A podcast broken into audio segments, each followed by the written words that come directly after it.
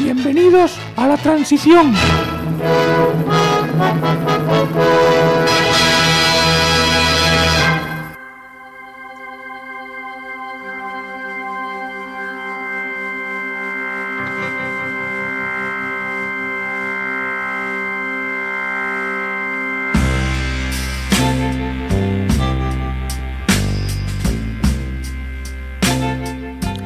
Hola a todos, bienvenidos a la transición. Soy Óscar Cruz y no os voy a decir feliz año porque hay que desconfiar de los locos que felicitan el año casi ya un mes después. Hay que regular esto.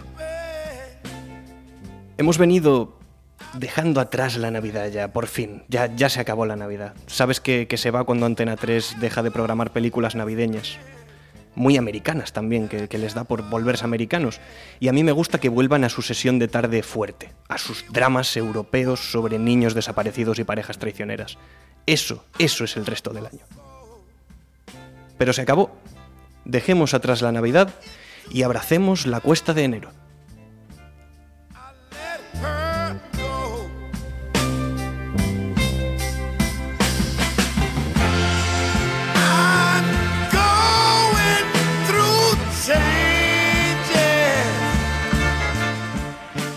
Cambios. Es época de pensar, de reflexionar sobre la vida y a mí me ha tocado una intensa rayada sobre el problema número uno del millennial.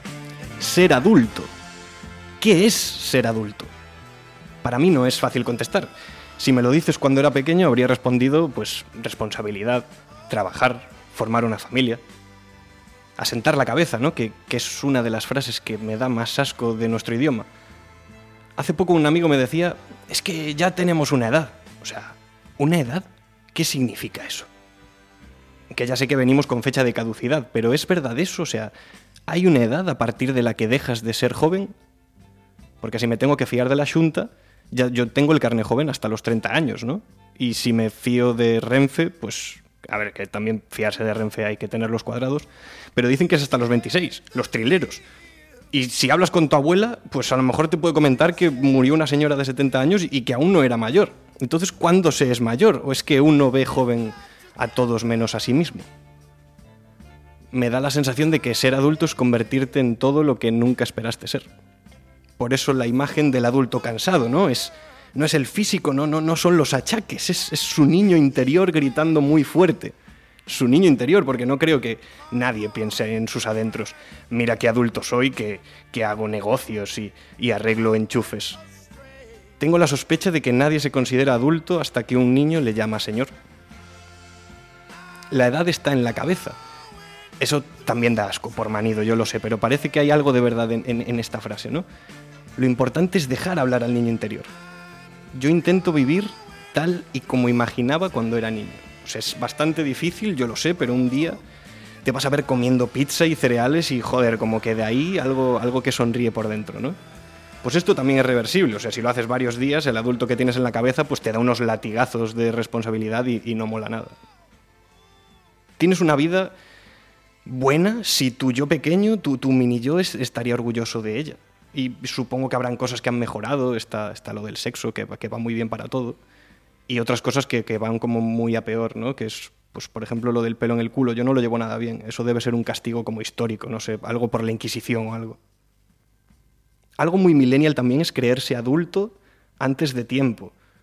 ¿No? Nunca os ha pasado que escuchéis a alguien hablar de, cómo se hace mayor eh, ante alguien que, que, le saca una década y, somos así, ¿eh? O sea, nos gusta ser divas de la tragedia y, como si nosotros en nuestros 20 años que llevamos en este mundo pues, pues nos hubiese llegado ya para darlo todo por visto. Y al revés también, ¿eh? Ojo, está el que cree que lo de adulto no va con él, cuando a su edad sus padres ya tenían dos hijos, eh, una hipoteca y un par de vajillas del banco de esas vajillas. Tenemos mucha mierda encima. Pero vamos a lanzar una solución. Vamos a hacer aquí. Vamos a hacer aquí de Iker Jiménez. ¿Qué, ¿Qué, diablos? Dicen que los millennials buscamos referentes en nuestra propia generación. Y quizás ahí está la respuesta. La solución no es un adulto, es un niño. Así que corred, que alguien vaya buscando a la niña de Rajoy.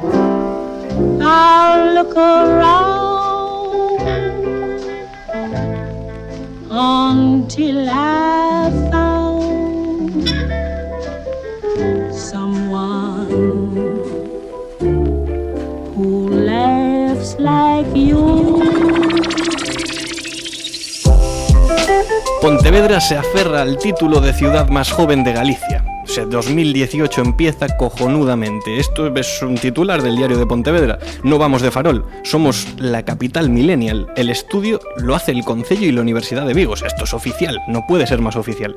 Ojalá la Universidad de Vigo se convierta en la nueva Universidad de Michigan o de Massachusetts que, que, son los que hacen todos los estudios así guapos, ¿no?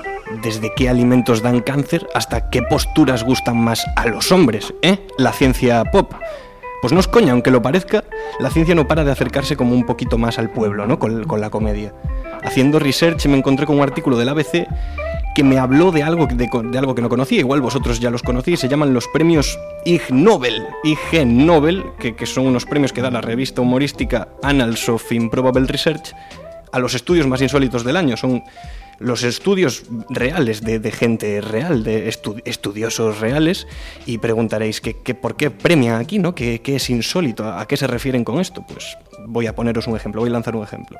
El premiado del 2007 al Ig Nobel de, la Paz fue la bomba gay. La bomba gay. Esto se presentó en, Ohio en el 94, una bomba para volver gay al enemigo y, minarle la moral. Yo creo que no funciona así, ¿eh? En todo caso, les subiría la moral. Todos esos muchachos ahí juntos, mano a mano en la guerra, ¿no? Yo creo que algo no estaba bien pensado ahí. Igual es algo que va por aquí, ¿no?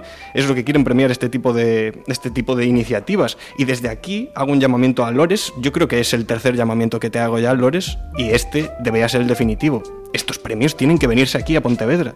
Si es que son nuestros Juegos Olímpicos esto sede de los Ig Nobel 2018 o 2019, que esto tiene que ir calando poco a poco, pero Pontevedra, sede de Ig Nobel, Lores, por favor, te lo pido.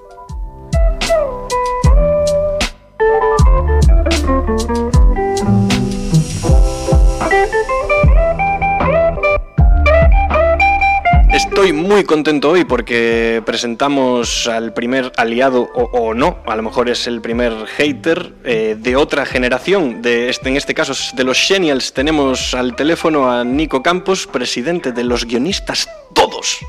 ¿Qué tal, Nico? De todos ellos. Buenas tardes. Buenas tardes, Galiza. Boas, buenas tardes, España. ¿Qué tal todo? muy bien, muy bien. Por aquí estamos estupendamente. Pero, pero ¿qué tal tú? ¿Qué, qué, qué tal llevas tú lo de ser genial? O sea, cuéntanos más. ¿Por qué, por, qué, ¿Por qué te presentas como aliado o como hater de nuestra generación? Bueno, hater, hater sobre todo, sobre todo hater, porque vamos a ver, eh, aquí hace tiempo lo hablaba con, con un colega, o sea, nosotros, eh, los, los de mi generación, que ya estamos bordeando los 40, eh, estamos en el, en el punto ese en el que los, los que son mayores todavía no nos han dejado hacer muchas cosas y luego ya, y ya nos vamos a a agobiar y a dejar de, de, hacer cosas, ¿no? Entonces luego, cuando nosotros seamos mayores, ya estaremos sin ganas de hacer nada, entonces llegaréis vosotros con ideas y comiéndonos los huevos. Con lo cual, la verdad es que os, os, odio y os desprecio, pero bueno, entiendo y entiendo que tenéis también que buscaros las habichuelas. Yo aún así intentaré fastidiaros. ¿eh? Yo sinceramente me siento muy identificado con vosotros porque eh, veo cosas así por internet y tal y busco información sobre qué, qué coño es un genial y me encuentro con que le, os llaman generación bisagra.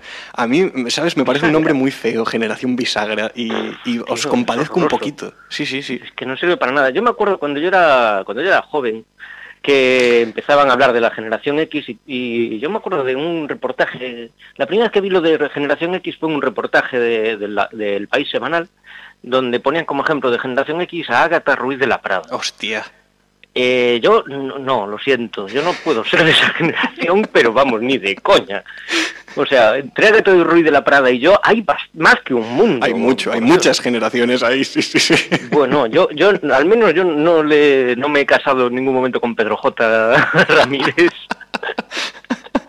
Eso ya es suficiente como para no meterte en el mismo grupo. Sí, por favor, cualquier otra cosa, no sé. Lo que pasa es que luego no sé cuál es. Claro, lo de, lo de los Xennials salió hace poco y dices, hombre, vale, va- ahora, ahora resulta que soy otra y ni siquiera tengo un... ni siquiera somos de una generación que tenga nombre propio. Somos una mezcla entre, entre los, de, los de antes y los de después. Sois- O sois sea, un- esto es es eso. una mierda. Ni siquiera os ponen una generación, os ponen como una bisagra. Si es que hay algo Sí. más, no, no hay nada menos que una bisagra, yo creo, ¿no? Sí, es una cosa, una bisagra, eso lo puede hacer cualquiera, ¿no? Que sí es útil, está bien tener, tener bisagras, hombre, sí, pero bueno, también hay puertas correderas y no pasa nada. Pero me encanta lo que decías de que sois una generación también que estáis como ahí, que todavía los, los mayores nos han dejado hacer eh, todo lo que querríais hacer, ¿no? Y estáis ahí esperando como la oportunidad todavía, mientras veis cómo acechamos ya los millennials. Sí, nada, y nos, y nos vamos a quedar en el medio comiéndonos los mocos, tío. Y algunos tenemos ideas, ¿eh? Y tenemos ganas de hacer cosas. Pero es verdad entonces, es verdad eso de que, de que existe, o sea, para, para ti, o sea, yo, yo ahora mismo, si me tienes que preguntar, yo, yo diría que Ni- Nico Campos es un adulto, ¿no? Y en este programa que estamos hablando de qué es ser adulto, ¿tú te consideras adulto o te consideras todavía un chaval? Es- es tremendo, lo de, la, lo de la, la adultez me estoy dando cuenta ahora, que tengo 38 ya, ¿eh? o sea, eso se me consideraba, se me debería considerar adulto desde hace tiempo. Pero el, el, el tema de, de ser adulto me voy dando cuenta de que es como lo de mm, cocinar una langosta, ¿no sabes? Que eso que tú las metes en el agua, vas dejando que se caliente, una langosta, una nécora, lo que quieras, va dejando que se caliente tal, hasta que por fin ya hierve el agua y muere, ¿no? pues en- entras entras en la, en la adultez igual. O sea, vas poquito a poquito, poquito a poquito y de repente saca. Un- Ahora eres adulto. Es un símil terrible, claro, es, es, es, es terrible, es, es una cocción como poco a poco, ¿no? No hay mucha esperanza Sí, ahí. sí, nada, no, no es de- repente llegas un día y, y dices, ah, es que yo soy adulto. No, te vas dando cuenta por pequeñas cosas. De repente los niños te, te tratan de usted, de repente ya los mayores te tratan de usted. El otro día, el año pasado, unas señoras ya me trataron de usted, señoras mayores de 80 años ya me trataron de usted. Deje, deje, eh, a ver, eh, María, deja pasar al señor. Y, señor, la madre que me parió. Y entonces, claro, ahí te vas dando cuenta, ¿no? Y ahora, bueno, yo tengo, yo tengo un, un- un hijo ahora Claro, y- eh, ahora eres padre, y- eso es la seña definitiva de que te has hecho mayor, o sea... Sí, eh, sí, pero yo me sigo considerado de, de espíritu juvenil. Pero, pero el, el problema de este, claro, ves al, al chaval y de repente, claro, te das cuenta de que cuando tú hablabas de, de tus padres decías, no, es que mis padres sabrán, tal, no sé cuánto, y de repente llegas tú al momento y dices, ah, coño, eh, si tampoco tenían ni idea. Claro, eso es lo que veo un poco, ¿no? Que la gente que no sabe, nadie sabe qué es lo que hace, ¿no? Y estas típicas cosas, por ejemplo, de tener un hijo, hay que esperar el momento adecuado. ¿Cuándo diablos es ese momento? ¿Cuándo Nunca. vas a ser adulto? Claro. Nunca es el momento adecuado, nunca. Pero de repente te, te sal- saltas a la piscina por donde no cubre y te toca. y es- o aprendes a nadar o, o nada. Tenía yo un colega también que daba clases hace años de, de edición de vídeo y tal, y él decía que su truco era eh, al menos estar una clase por delante que sus alumnos. Esa es buena. Y eso es muy buena, claro. Entonces tú podías no saber mucho, pero como sabías en un principio más que, que ellos, pues bueno, con irte preparando bien la siguiente clase, llevas ganando. Y me di cuenta que con los niños es algo así. Claro, lo que pasa es que ya llevamos unos años de ventaja, que entonces, claro, cuando te llega, te- cuando mi niño sea un poco más grande y, y me pregunte algo, es, no es que yo sea muy listo. Que llevo más tiempo aquí que tú, tío. Lo de más saber el, el diablo por viejo que por diablo es tal cual, tío. Es tal cual. O sea, tienes, tienes unos, eso, alrededor de unos 20, 20 y tantos años para, para que tu hijo se dé cuenta del fraude que ha sido todo esto. Claro, claro, claro. Es, Es, una es- cuenta atrás. Creo que ahora el, el- el secreto de la paternidad está solo en el, en el concepto de vamos a intentar que este tarde en enterarse de que no tengo ni idea. Y, y tú, Y así va todo, ¿eh? Y tú, o sea, viendo, viendo los millennials, porque es eso, tú, ahora que eres padre y que te tienes que preocupar, tu hijo me parece, o sea, según tengo entendido por ahí, va a ser generación touch, le llaman generación touch porque lo tocan todo y todo eso, ¿no? Pero ¿Ah, sí? viendo a los millennials, ¿qué, qué- qué esperanza te queda de- del, del futuro de la humanidad? O sea, ¿qué te parecen a ti los millennials y cómo, cómo ves que va a ir esto? Pues, hombre, siempre es, muy mítico eso de, que las generaciones, siempre decimos que la generación que viene después de nosotros no tiene ni idea y que antes los de ahora, los, mayores sí que sabemos hacer las cosas, tal, lo que indica eso que en, en la Edad Media debían ser todos unos dechados de virtudes eh, acojonantes, ¿no? Eran unos genios todos, sí, sí. unos genios todos, y súper educados y súper majos, ¿no? Entonces, pues claro, ¿qué, ¿qué opino? Pues lo mismo, que sois unos papanatas que no tenéis ni idea, y claro, los, que los de ahora sí que sabemos hacer las cosas, pero no nos dejan. Es- eso es lo de siempre. Entonces, o sea, yo pues qué es lo que me espero, ¿no? Que, que nosotros estamos quejándonos ahí de que no nos dejan hacer cosas. Me parece que esto va a ser nuestra vida entera al final, ¿no?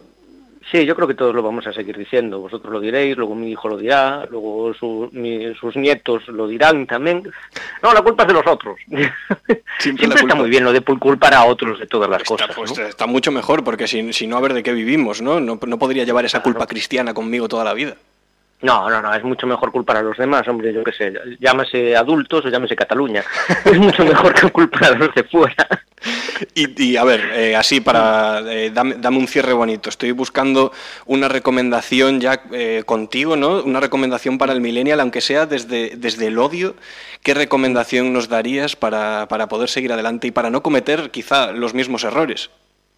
Uy, lo de repetir los, los errores es guay, ¿eh? Mola. Porque hay algunas cosas que, que no, no las ves hasta que hasta que te mojas en ellas y ves que, ay, mira, pues es que no, no eran tan tontos todos, que esto, esto nos equivocamos, aquí en esta piedra tropezamos todos, ¿no? Lo que sí me sorprende de, de- de los millennials, tío, es que, joder, hay pocos rockeros y heavies ya. Hay o sea, los heavies sí. son los heavies son los linces ibéricos de los institutos de hoy en día. Sí que lo son, sí que hay muy pocos. No Se han sé, pasado todos hay- al rap. Sí, es una cosa así. Bueno, al rap, sí, seguro, no sé. Sí. Eh, está por ahí, está como un poco por ahí. Está ahora el rap, el trap y todo está. eh, lo meten todo en música urbana y hay por ahí algo que, que sí que parece que está pegando un poco más ahora. Ya no hay heavies, tío. El otro día había un catálogo de H&M, una camiseta de Ozzy Osbourne.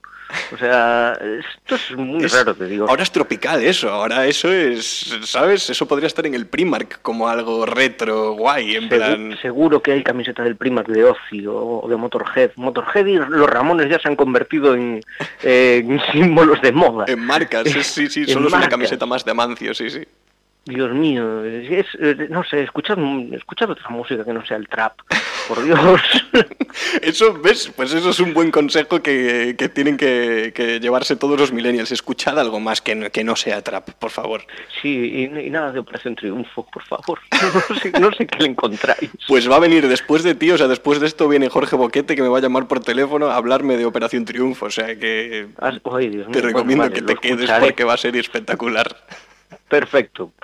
Pues Muchas gracias, entonces. Nico. Gracias Eh, a ti. Joder, eh, el único genial, el único tipo de otra generación que se ha atrevido a, a dar la cara aquí ante todos los millennials. Nah, soy aliado, sen, sen nudes. Muchas gracias, Nico. Un abrazo. Un abrazo. Venga. I'll look around until I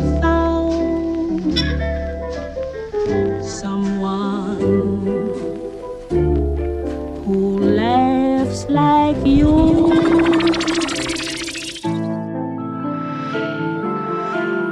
Yeah. Oh. Gucci gang. Oh. That's it right now, T-Nev. Lil Pump. Lo millennial. Gucci gang. Oh. Oh. Yeah.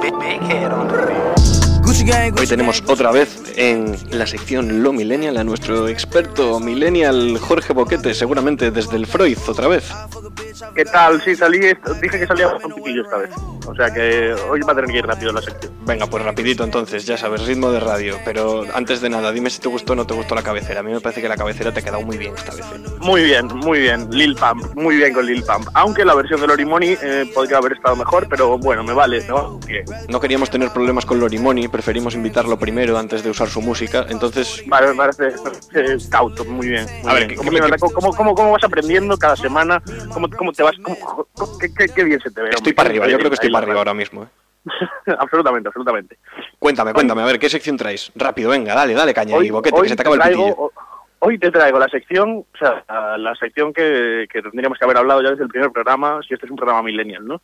Que es la sección sobre Operación Triunfo. Sección ¿Qué sobre? Operación Triunfo, joder. A ver, bueno, no, no es que no me puedo decir fan, ¿no? Me parece un poco viejo. Ya, bueno, a ver, bueno, nada, no, tú el típico hater, ¿no? De, ah, va, triunfo. No, ah, pues eso, eso ya está pasado de moda, eso, eso, eso quedó fuera, quedó en las ediciones de OT que se hacían en Telecinco. Ahora, ahora ya vuelve a estar vuelve a estar guay, vuelve a ser Millennial y vuelve a ser de jóvenes, Operación Triunfo. ¿Vuelve a estar guay o empieza a estar guay realmente? Vuelve, a ver, la primera edición de Operación Triunfo fue como no, igual que la primera edición de Gran Hermano, ese gran reality eh, que ha cambiado la, la sociedad, la sociedad española de 2001 hasta hoy. Ese gran O sea.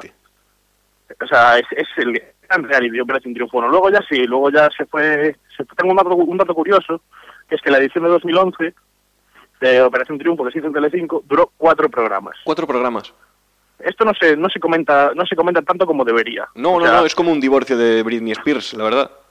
quedaban tres participantes todavía y chaparle la edición. O sea, eso deberíamos reivindicarlo más, más, más de 2011. Pero bueno, lo que venía a contarte hoy son las diferencias entre, pues eso, el primer, la primera Operación Triunfo, la que hemos visto todos, todos los que ahora somos milenios, los que hemos la- crecido con, con Rosa de España. Esa es la rosa de con- España visual.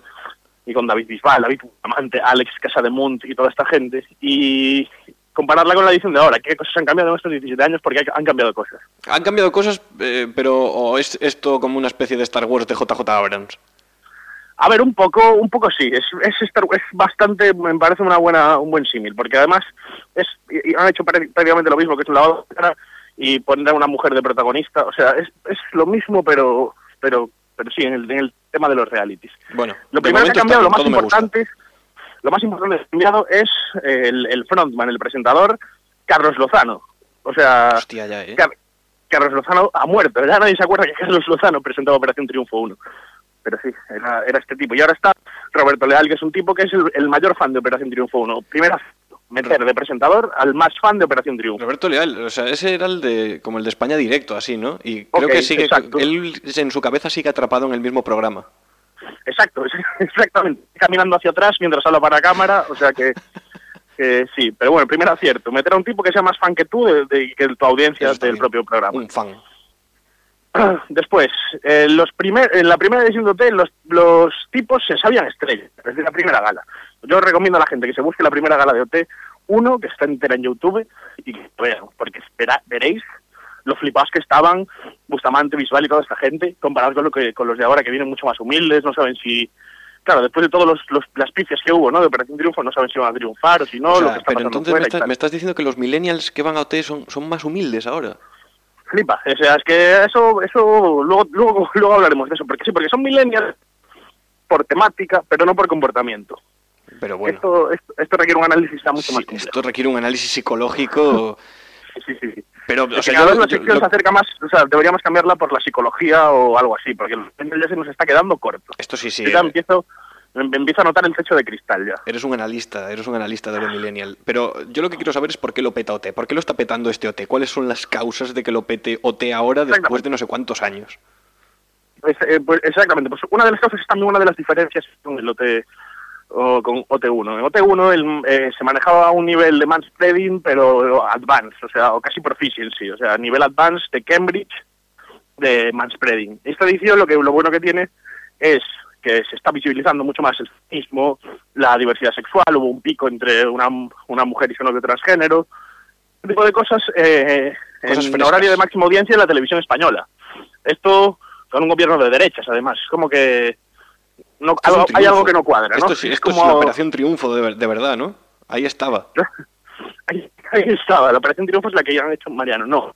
Eh, el, el asunto es ese, que lo que está triunfando es que se están tra- tratando muchas más temáticas pues de la gente de ahora, o sea, sin, sin personajes inventados, intentando aparentar, como suele pasar en todos los realities, ¿no? que cuando llegan los concursantes intentan dárselas de algo que no son, y lo que ha recuperado este OT es la autenticidad de los participantes.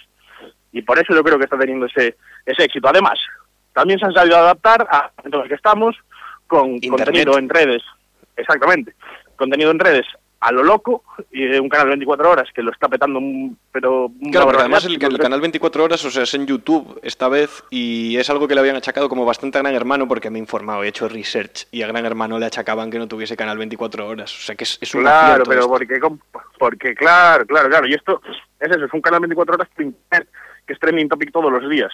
O sea, que han sabido leer muy bien, pues eso, el momento en el que estaban. Y mantener el formato cambiando las teclas justas para que pues eso, para que esté siendo el fenómeno que está volviendo a ser este año Operación Triunfo. Y todo esto, además de ser la mejor de las publicidades para televisión española, que ahí está Jorge Boquete trabajando en el Freud, eh, amigos de televisión española. Yo estoy intentando, intentando que a ver si a base de la merpollas aquí, pues, pues igual, joder, me, me contratan de becario, por lo menos, o de cámara, o de regidor en plató, de Operación Triunfo, lo que sea, tío. Pero estamos viendo cosas que hay millennials dentro de Operación Triunfo y, hay, y sé que tienes cosas por ahí que, que- que nos, que nos definen bastante que definen bastante como a esta sociedad juvenil millennial. Tengo, o sea, ya empezando por el análisis de los participantes, tengo a uno de, uno de ellos, que también es un- uno de los paradigmas millennial, que es nuestro amigo Cepeda, de, de Ourense, Sí, de Ourense. No, de Cepeda de Orense, nominado 5 de las ocho de ocho galas en las que estuvo, en, la- en cinco acabó nominado, y eh, representa lo que es un sad boy a día de hoy, ¿no? O sea, la figura de, de sad boy, de, de- de chavalito, pues eso, con camisetas de manga y llorando mientras escucha Jungling. Pues yo me Es- quiero imaginar a Cepeda así en su casa. Es el eh, nuevo Bustamante, entonces. Es el Bustamante Millennial, sí, un poco. Un poco, un poco. Eso. Lo que pasa es que Bustamante no lo nominaban y este sí. Este, este tenía motivos para ponerse triste, Este ¿sabes? tiene motivos. Y además tenía un motivo mucho mayor, que hay un tío gallego que mola mucho más que él. Efectivamente, efectivamente, a la sombra de otro de los personajes que quería que quería comentar, que es Roy, que es el ganador moral, es el nuevo, nuevo candidato a presidente de la Junta para nuestros corazones. Que puso de moda algo. ¿Qué puso de moda? Puso de moda, o sea, ha conseguido que en horario de máxima audiencia unas hordas de chavales gritasen enfurecidos palabras a Poconcho. Ha conseguido que el, el- la RAJ entrase en la televisión española por la puerta grande, vamos. Pero ¿qué, qué más ha conseguido? Ha conseguido, joder, visibilizar el puesto de eh, guitarrista de orquesta en Galicia. Era el Roy guitarrista de la orquesta Olympus, Roy. Olympus, que no es ninguna broma. O sea, no es que... ¿eh? Es que, es que, o sea, apuntaba todo, o sea, todo, todo apunta hacia, hacia el éxito. De, de- un guitarrista del Olympus no podía fallar en un formato así. De hecho, al principio del programa, al principio del programa, Roy decía que no estaba, acost- o sea, que estaba acostumbrado a trabajar más, un trabajo más. Claro, su ritmo más de trabajo de orquesta, que- ¿no? De que 20 estaba días como de vacaciones allí, ¿sabes? Claro, claro, claro. O sea, de San Sadurniño a, a eso, a, a- a dónde? A, a Portela, ¿sabes? Y, y Claro, todos claro, los claro, días claro. ahí metido en el, en el tráiler. Claro, y ahora tiene ahí becarios y de todo. Pero bueno, es, es- sin duda es el agitador, es Roy es el, el millennial puro, es, eh, es sin duda... Este año la hay una, de la- una diferencia grande también, que es que este año pueden tener móviles dentro de la academia, pero sin conexión. Es Sin decir, conexión. Pueden, pueden hacer contenido para redes, pero en diferido. En plan, hacen contenido para redes y luego se lo publican, no sé quién se lo publicará, pues algún becario de por allí, digo yo. A mí me gusta pensar que es la propia Noemí Galera, directora de la academia, la que le publica Esa es la que publica, ¿no? Sí, la- claro, claro. las stories a la gente. Es, el, es Carlos y, Lozano y Roy, el que lo o sea, hace, Roy, sin hecho. du- Roy sin duda se ha llevado el título de influencer esta, esta edición de Operación Triunfo. O sea, ha- se ha pasado Operación Triunfo como influencer él. Ella está fuera, pero, pero para nosotros sigue siendo sigue siendo la estrella y el ganador real de, de esta, Roy, además, además gallego. Y tienes que darme ya, o sea, nece- necesito, Boquete, que, que esto se nos va. Es que me estás haciendo aquí, el, érase una vez el cuerpo humano. Sí, es que, he hecho un trabajo de investigación que... que- Criminal. en Deberían ¿eh? meterte en la en academia. O sea, que, que saquen a los Javis y que te metan a ti ya. Yo, o sea, yo nos propongo a ti, a mí, como los nuevos Javis. Por Cobraú, los nuevos Javis para la siguiente edición de OT. Yo firmo, ¿eh? O sea, mucho más barato que los Javis, de hecho. Pero necesito, o sea, nece- necesito que me des un ganador y que cierres mandándole un mensaje a la academia, que seguramente Vale. no te estén escuchando, así que es muy Vale. necesario. Vale, tengo. O sea, ganadores, posibles ganadores están Amaya y Aitana, que para quien no lo haya visto, son las dos las dos chavalitas más jóvenes que hay, las dos, dos con, que tienen 18 años y, y eso, que son, son las claras favoritas de Amaya, de, Plan- de Pamplona, que es un fenómeno sin duda de esta edición. Si no lo conoces, o Busca sea, la- ya. para la gente que nos, para que la gente que nos está escuchando, si no lo conoces, yo no sé qué hacen escuchando este programa. Ya, ya, ya, que, que vayan se- a que- que YouTube. lo paren y que escuchen a Maya. Claro, que vayan a YouTube, en Shake It Out, eh, Amaya, es una canción de Flores and the Machine que hizo una actuación brutal, o una versión de Mala Mujer que tiene una versión swing de Mala Mujer en piano que es tremenda también. O me conformo de Marisol. O Me Conformo de Marisol, es que ese tipo de canciones, ya solo con estas canciones que hace, que ha hecho, ya te haces una idea del tipo de artista que porque en su, en su casting final cantó I Found My Yellow, My Yellow Basket de la Fitzgerald esta tipa, o sea que Es cualquier No es- cosa, no- es lo que quiera que sea. Pues mándale un mensaje, mándale un mensaje a Maya y, y al, bueno, y al resto, y a los que te gusten a ti. a, Ma- a Maya le digo que, que, que a tope, o sea, que a tope, que a tope con su movida. Y al resto, tío, al resto yo, yo les, les debería, les quiero decir, o sea, no al resto, sino a la organización y eso y tal, más feos en Operación Triunfo. Más feos. Sí, ¿por qué no hay, por qué no hay feos en Operación Triunfo? Yo creo que los hay, ¿eh? es el efecto, es el efecto guitarra, tío. Quizás, quizás, quizás sea el efecto guitarra, quizás sea el efecto academia, quizás sea el efecto show, pero así eh, eh, a abuela pluma, tú, tú miras a los participantes y no hay ningún feo, no hay ninguno que digas, "Ah, este tipo de feo es, pues yo eso es lo que quiero para la siguiente, no te quiero feos. Igual es que los feos cantan mal. Puede ser, puede ser, pero bueno, Que va, hombre. Pero eso, bueno, sí tiene- puede eso ser. es muy feo. Eso sí que es feo. eso sí, eso sí que es, eso sí que es poco millennial. Pues Pero sí, no, yo quiero eso, eh, que los feos estemos representados en la siguiente edición de OT. me parece un mensaje correctísimo. Más feos, más feos millennials, que además, joder, pues hombre, yo salgo a la calle y veo siempre unos cuantos. Yo me siento identificado ahí.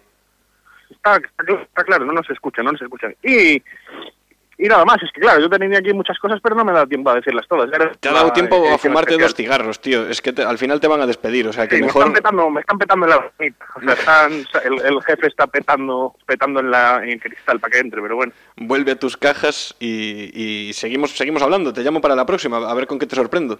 A ver, para las las que te llevas ya, ¿o qué? ¿O qué? ¿O qué? Porque hoy, está, hoy que está lloviendo me está jodiendo la vida aquí, que estoy, estoy refugiado en un tejadillo. tío. Pero mucho mejor, eres nuestra conexión con la realidad, boquete.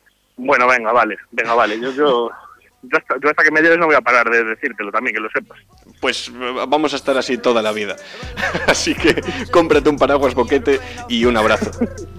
Venga, venga, a muerte con, con eso. Hundred on wrist, sipping on tape. Fuck a little bitch, make a pussy wet. Gucci gang, Gucci gang, Gucci gang, Gucci gang, Gucci gang, Gucci gang, Gucci gang. Gucci gang. Spread thin racks on new chain.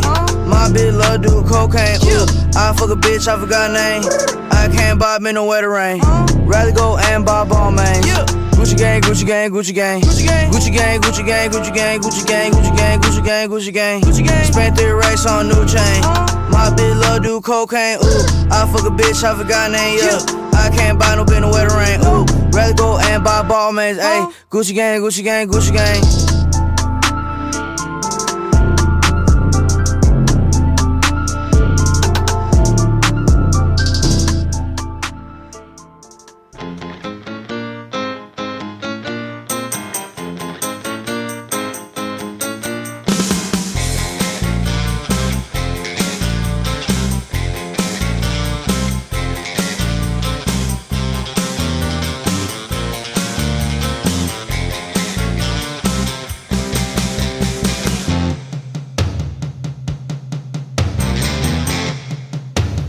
Acudimos a un experto caballero, a, nuestro adulto millennial, para que nos dé unas claves y, convertirnos en señores millennials. No, no señores adinerados, pero, pero bueno, igual nos puede dar alguna clave. Javi Lopa, el entrepener, me imagino que hoy te pillo como entre negocios, ¿no? Pues espero que tengáis eh, roaming, rimming, porque porque me coges me coges fuera. Hostia, Estoy esto en, nos va a salir por un pico entonces, ¿eh? ¿Dónde en estás? Bruselas, Bruselas me coges. Uf, en Bruselas. Es- Estoy es- aquí, ¿Es que te fuiste a visitar a Puig? eh, Pucci, a Pucci, Hostia. sí, estoy con Pucci, eh, pero Pucci el, el, el perro de, de Rosca y Pico. Ah, vale, vale, vale. Pues no estás con Puchigang. No, no, no, no Pucci Gang, no. Muy bien, sí, no, aquí con unas, bueno, historias, unos, unos negocios, Unos poniendo negocios. parabólicas y, bueno, unas cosas. De parabólicas. Sí. Yo- Y hoy, te llamamos nosotros preocupados, tío. Estamos como muy preocupados, el- porque el programa de hoy va como de ser adulto y, y nosotros no sabemos muy bien qué es ser adulto, tío. Y necesitamos, tu ayuda. Yo sé que no tuviste mucho tiempo para preparar esto. No, es que me cogéis aquí, no sé cómo salir de una reunión justo, pero, pero dime, ¿qué, ¿en qué puedo ayudar? Yo Bueno. necesito que nos expliques qué es, qué es ser adulto, porque, porque como todos sabemos, tú eres el, el único de, de todos nosotros que, que se paga Mm. su propia merienda. Hombre, sí, eh, y aparte me refiero a nada de el pan, pan no es el Freud, o sea, pan bimbo, pan, pan bueno, bueno, bueno ahí. Buenas marcas, primeras marcas. Sí, sí, sí, o sea, todo, todo, todo, todo. Pues, hombre, no sé, es que tampoco sé muy bien cómo decirlo. Yo, eh, más que adulto, porque yo al final soy un chavalillo, ¿eh? soy un, eh, soy un Benjamín. Eres un canalla. un, un canallita. Entonces, más, más que más que eso, porque yo ya te digo que sigo siendo, sigo gozando de, de mi cara imberbe, eh, te puedo enseñar a ser un señor, a comportarte como, como un señor, Eso es. ¿no? Claro, o sea, Eh, y ahí, ahí hay algo, ¿no? Porque tú eres, tú eres un millennial, eh, pero, pero con todas las de la ley, vamos, al- alguien te ve y te ve millennial, pero sin embargo tam- también eres un señor que, que- que hace negocios. Es- nosotros queremos esto. Entonces seguro que tienes algún truco, al- algo tienes que tener por ahí. Yo, eh, si soy sincero, yo eh, me fijé todo en la página web eh, wikihow, wikihow.com barra ser guion un guion caballero. Como vemos, es una es- página web de primer, de primer, el primer resultado de Google, ¿no? Sí, sí, cómo ser un caballero. eh, me refiero, una vez que, que decidí que quería ser el, un producer, dije yo, me tengo que comportar ya como, como un... Es casi casi un aristócrata, ¿no? Un burgués, un burgués de, de, la, de la Francia de Luis XIV. Eso es. Eh, al final tienes que comportarte como un caballero con, con unos modales eh, ejemplares. Entonces eh, estuve mirando eh, esta web, que puede ser, sí, es la primera, de hecho es la primera que aparece en, en Google, y eh, fantásticamente tiene eh, un montón de, de trucos, consejos, advertencias y, y puntos que seguir para ser un gran caballero. Venga, léete alguno porque seguramente Por a todos esos millennials que estén escuchando esto les preocupe cómo ser un verdadero caballero. Lo divido en cuatro pasos. El primero es lucir presentable. Y eh, dentro de lucir presentable habla pues de tener una higiene adecuada, asegura de bañarte con regularidad. Yo eso- aconsejo cada tres días por lo menos. Eh, en invierno a lo mejor puedes estirar, pero mínimo tres días. En invierno puedes Eh, hacer la turca, que es la de eso, la de cada efectivamente. mes. Efectivamente. Y eh, aconsejo una cosa, esto es truquito personal, ¿eh? esto no viene en ninguna guía. Es, eh, por favor, usad eh, desodorantes de mujer. Por favor. Esto, Eh, esto es como... Esto lo, lo has catado tú, ¿no? Sí, eh, vamos a ver. A los hombres nos gusta como huelen las, las- los desodorantes de mujer. Eh, es, es que es así, me refiero yo. No quiero meterme ahora aquí en, en un tema sexista, pero es verdad. Haced una encuesta en Twitter o algo, pero esto es así. Nos gusta como huelen los desodorantes de mujer. Y a las mujeres también le gustan como huelen los desodorantes de mujer, porque se compran desodorantes de mujer. Tiene su lógica. Y, y entonces, ¿por qué no vamos todos a usar desodorantes de mujer si huelen fenomenal y, y son súper suaves y, y- y jugositos? Pues Desodorantes de mujer. eso es una, eso es Eh, una- Me parece ahí algo a tener en cuenta. Yo estoy anotando aquí, ¿eh? Desodorante de mujer. Ojo, porque viene otro punto aquí, en lucir presentable. Eh, si no hueles a limpio y fresco, no importará cuán encantador seas o lo bien que se vea tu ropa. O sea, nada de ir a comprar ahí a Le Coq Sportif y luego ir oliendo a. Eso ¿eh? es. Es mejor eso. sea, pues vestir hay que tener- ahí con cualquier cosa, pero oler bien. bueno, el yin y el yang, me refiero. Eh, que no te puedes duchar todos los días, eh, vale, lo entiendo, pero tampoco te vayas de fantoche comprándote en Le Coq Sportif. Por ejemplo, si te duchas cada dos días, pues en Brescas, Bris- Brescas, y te duchas no lo sabes pronunciar, eres, es un elitista. Be- Berskis, Berskis.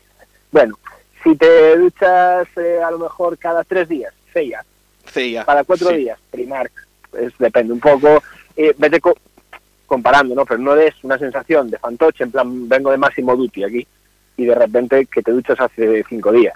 Eso no, ¿vale? O sea, el, el yin y el yang, un, O sea, un poquito. El capítulo, el capítulo higiene personal creo que, lo, que creo, creo que lo tengo completo ya, ¿no? Pero, pero ahora, Sí. ¿qué tengo que hacer, por ejemplo, para relacionarme por ahí con la gente? Bueno, luego, el capítulo 2, ser educado, esto es una maravilla, ¿eh? Eh, Para mantener una conversación es una señal de clase y madurez, los cuales son dos aspectos importantes para ser un verdadero caballero. Eh, evita decir a toda costa palabras sueces, no insultas a nadie, jamás, y lo grita, lo pone como en mayúsculas y entre exclamaciones. De manera insultar es como de primero de educación, Sí. ¿no? eh, no hables de un tema vulgar, eh, y no, no eructes, eh, ni te tires pedos en público. Mm, Vale, eh, anotamos. Eso, Eh, yo claro, creo que... es, es importante. Esto recordemos que es una página para adultos, ¿no? No es, no es para un niño. Claro. No, no, no, no, por favor. Esto ya a partir de que cumples una edad, pues, eh, pues los pedos, pues no, pues yo qué sé. Mm, puede hacer gracia, bien para la comedia, mal para ser un caballero. Mal para ser un O sea, caballero, exacto. Mal para Entiendo aprender, que para a la hora de creer. Eh, no hables demasiado de ti mismo, ojo, ¿eh? Al principio puedes hacerlo para que los demás conozcan un poco acerca de ti, pero lo, lo justo. No quieren Pero que debe- hables de ti, es mejor hablar de, de cualquier Claro. cosa. Más bien, concéntrate en preguntarles a los demás sobre sus intereses, pasatiempos y planes. Pues, Recomiendan eh, ¿qué como ser tal- un qué poco tal, detective, ¿no? Sí, es un poco. Yo creo que no. Es más eh, un careta, ¿no? Eh, Por ejemplo, ¿qué tal, Oscar? ¿Cómo te va? Me ¿Qué va tal ahí en la radio? Muy bien, me va, me va muy bien aquí, ¿eh? ¿Qué tal Pontevedra? ¿Cómo, qué, qué onda? Claro, no me das chance. Y si yo te, y si yo te doy la vuelta y te pregunto, pero ¿cómo estás tú? ¿Tú qué tal?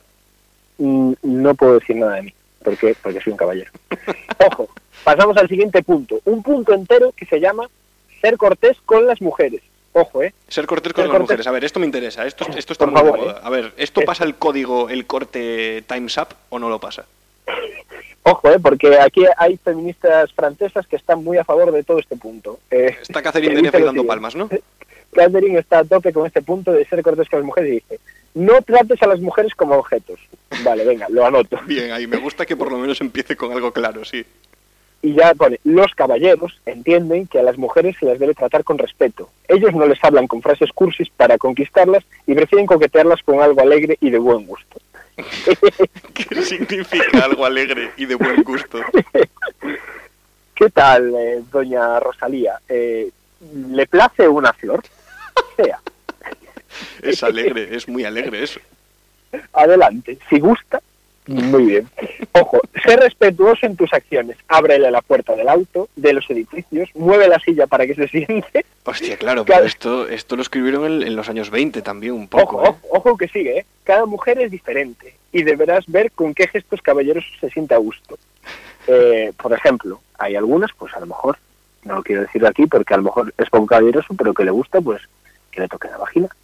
Puede ser, Eso- puede ser. Eso, cada uno, eso tenéis que ir preguntándolo, por Más, favor. eso claro, eso aquí recomienda que, vayas eh, gradualmente, ¿no? siempre con educación, por favor. Siempre preguntamos eh, y esperamos a, a- a la- al consentimiento. Esto no, no, lo- no lo aclara por aquí, pero No hay nada aclarado. Eh, es que claro, eso es- me está sonando viejuno. Yo por ahí no sé si aparece como al- algún cosas que no se deben hacer como, como caballero, ¿no? Debería debería poner eso. Atiende, porque, porque los consejos locos no aparecen aquí, no, no acaban aquí. Cuando camines por la calle con una mujer, camina el lado más cercano del tráfico. Camine- ¿Por qué? que camines tú del lado más cercano del tráfico, tú ¿no? de- claro, en plan como protegeré mi vida de ese Chevrolet desbocado que se va a lo puto loco por ahí y, y- y me matará solo a mí porque estoy eh, como Cristiano Ronaldo y te y voy a parar el coche con mis piernas Pues, por frontalmente, y tú sí, te sí. salvarás y yo y yo moriré por por ti por por, por, por el mundo. Como una roca, eso solo puede conseguir Dwayne La Roca Johnson. y, y mira por, por no robarte mucho más tiempo voy a, a mi punto favorito de todo esto y que me parece eh, como como los mandamientos de, de, de- de- de la Biblia del catolicismo y tal de estos diez mandamientos se resumen en dos pues toda este toda esta guía se resume en este punto. Decide eh, si quieres seguir algunas costumbres antiguas. Ojo, lo que estaban proponiendo hasta ahora era vanguardia. Era vanguardia, todo- sí, sí, yo, yo era escuché todo- vanguardia era pura. todo Lo de, lo de mover la silla, lo de caminar cerca de la calle, eso era toda la vanguardia. Ahora, decide si quieres seguir algunas costumbres antiguas. Es posible que sea difícil saber exactamente ¿eh? qué costumbres seguir. De hecho, seguir alguna de ellas incluso puede ofender a algunas mujeres que se sientan autosuficientes e independientes. Que se y sientan consideran que la idea autosuficientes. ¡Ay, ay! Y consideran que la idea de que un hombre les ayude es anticuada e incluso ofensiva. Alguna, eh, alguna feminazi Ay, ahí, Dios. eh, que no le gusta que le abran la puerta del auto. Y a, na- ¿eh? a nadie, Dios, a nadie de los que estaban por ahí haciendo eso se les revolvió el estómago cuando estaban escribiendo esa parte.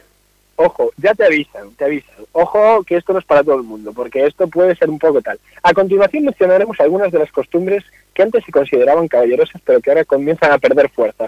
Ojo, ya también se ven, se ven venir ya, también dicen, bueno, Se ve que flojean ya, sí, sí. Y ojo, el top 4 de estas, de esta, de estas cosas de Yayo son pagar la cuenta. Pagar. De, las, de, Pagar de la todas las cosas malas que, que hemos hecho las mujeres, la primera cosa que dicen hay que está anticuada y que hay que abandonar es pagar la cuenta, Sí, ¿no? Es- pagar la cuenta es como lo peor. O sea, tú le puedes tocar un- una teta sin, sin preguntar, a lo mejor estás en los Sanfermines y, y le, sacas la, le arrancas la camiseta. Ahora, pagar la cuenta ni de coña. Pero no, no, por favor, no se te ocurre invitarla. ¿eh? Por favor, ¿qué- ¿quién, ¿quién eres? ¿Quién eres? ¿Qué ¿Quién quieres de mí? tú? ¿Qué quieres de mí? ¿Eres el chicle? Eso, eso jamás. Luego, punto número dos, ayudarla a ponerse su abrigo. Ojo, ¿eh? Que como, como la pobre chica pues no, no, de, no, no, le, no le da el, arco del brazo, ¿Cuántas veces me ha pasado a mí que no encuentro la manga? no, pues no se puede tampoco. Ojo, ¿eh? Porque eso es anticuado. Lo de caminar por el lado del tráfico, bien. Pero lo de ayudar a alguien a ponerse el abrigo, ñe. ojo, pararse, porque eh, es latinoamericana esta web, no sé si había ya algún dato, ¿vale? Pero Ah, puede, es puede. ahí esté la clave de todo esto. Y dice, pararse cuando una mujer entra en la habitación. Pararse eh, creo que es ponerse de pie. Por unos negocios que tengo yo en Chile, creo que es ponerse de pie. Ponerse de Ponerse pie, de pie, o sea, eso igual pero parece si- mal como ya, si- ¿no? Como si fuera el cura, me refiero. Sí, puede sí, sí. ponerse de pie, puede sentarse, luego te levantas otra vez. ¿Cómo, cómo funciona esto? Joder, No, no, no conocía esto. Es demasiado. Y luego ya por último, ofrecerle tu asiento. Eh, ¿Quién te crees que eres? Hijo de la gran puta. Claro, claro, claro. O sea, O sea, que puedes aguantar tú de pie y no ella. O sea, ¿quién, quién eres tú, Hulk? ¿Quién, quién cojones eres? Y luego hay, eh, bueno, luego de todo, a partir de todo esto hay un ser caballero con tu novia. Yo aconsejo eh, no tener novia. Prefieres Por- que por- no, ya eliminar No. ese paso, ¿no? Yo creo que es más de adulto no tener novia Es más, directamente. es más de adulto. El mundo single a tope eh, con eso. Es claro, ahí, está, ahí está lo nuevo igual un poco, ¿no? En plan, ahí está. Voodoo. Sí, sí, sí, sí. No, yo, yo por ejemplo tengo novia, pero me cuesta demasiado dinero. No estoy pensando, la quiero mucho. eh, teníamos un proyecto, pero yo por, por temas de dinero sobre todo. Es, es caro tener novia, no ella, o sea, no, no tienes que andar pagando cosas, ya lo dice el, el código, pero pues le gustan le gustan cosas, eh, hacer cosas por ahí, ir a pasear, cosas de gastar dinero. En Y claro, cambio, a ti se te, es se te- mejor. se te juntará también eh, pues lo mejor de lo mejor, ¿no? En plan, tú estarás ten- tentado 24 horas Claro. por, por la suerte. Hombre, hombre, hombre, hombre, por favor, hombre, no quiero decirlo de aquí, pero hombre, tú, tú me dirás. Javi. Lopa, nuestro entrepreneur, pues te vamos a dejar en Bruselas que sigas con, con tus Ojo, negocios. Pues sigo por aquí. Yo no sé si, si arrojarías algo de luz o no, pero yo creo que algo, algo nos quedó claro, ¿no? Que, que- que Internet está todavía lleno, muy lleno de mierda. Está lleno de- de futuro, ¿eh? Está, huele, huele a nuevo. Huele a Está- está para entrar a vivir. sí, sí. Está para entrar a vivir Internet. Muy bien, amigos. Pues Bueno, nada, Lopa, un abrazo, un Bicos. abrazo que cruce fronteras. Bicos, beijos, aur reboire. Venga.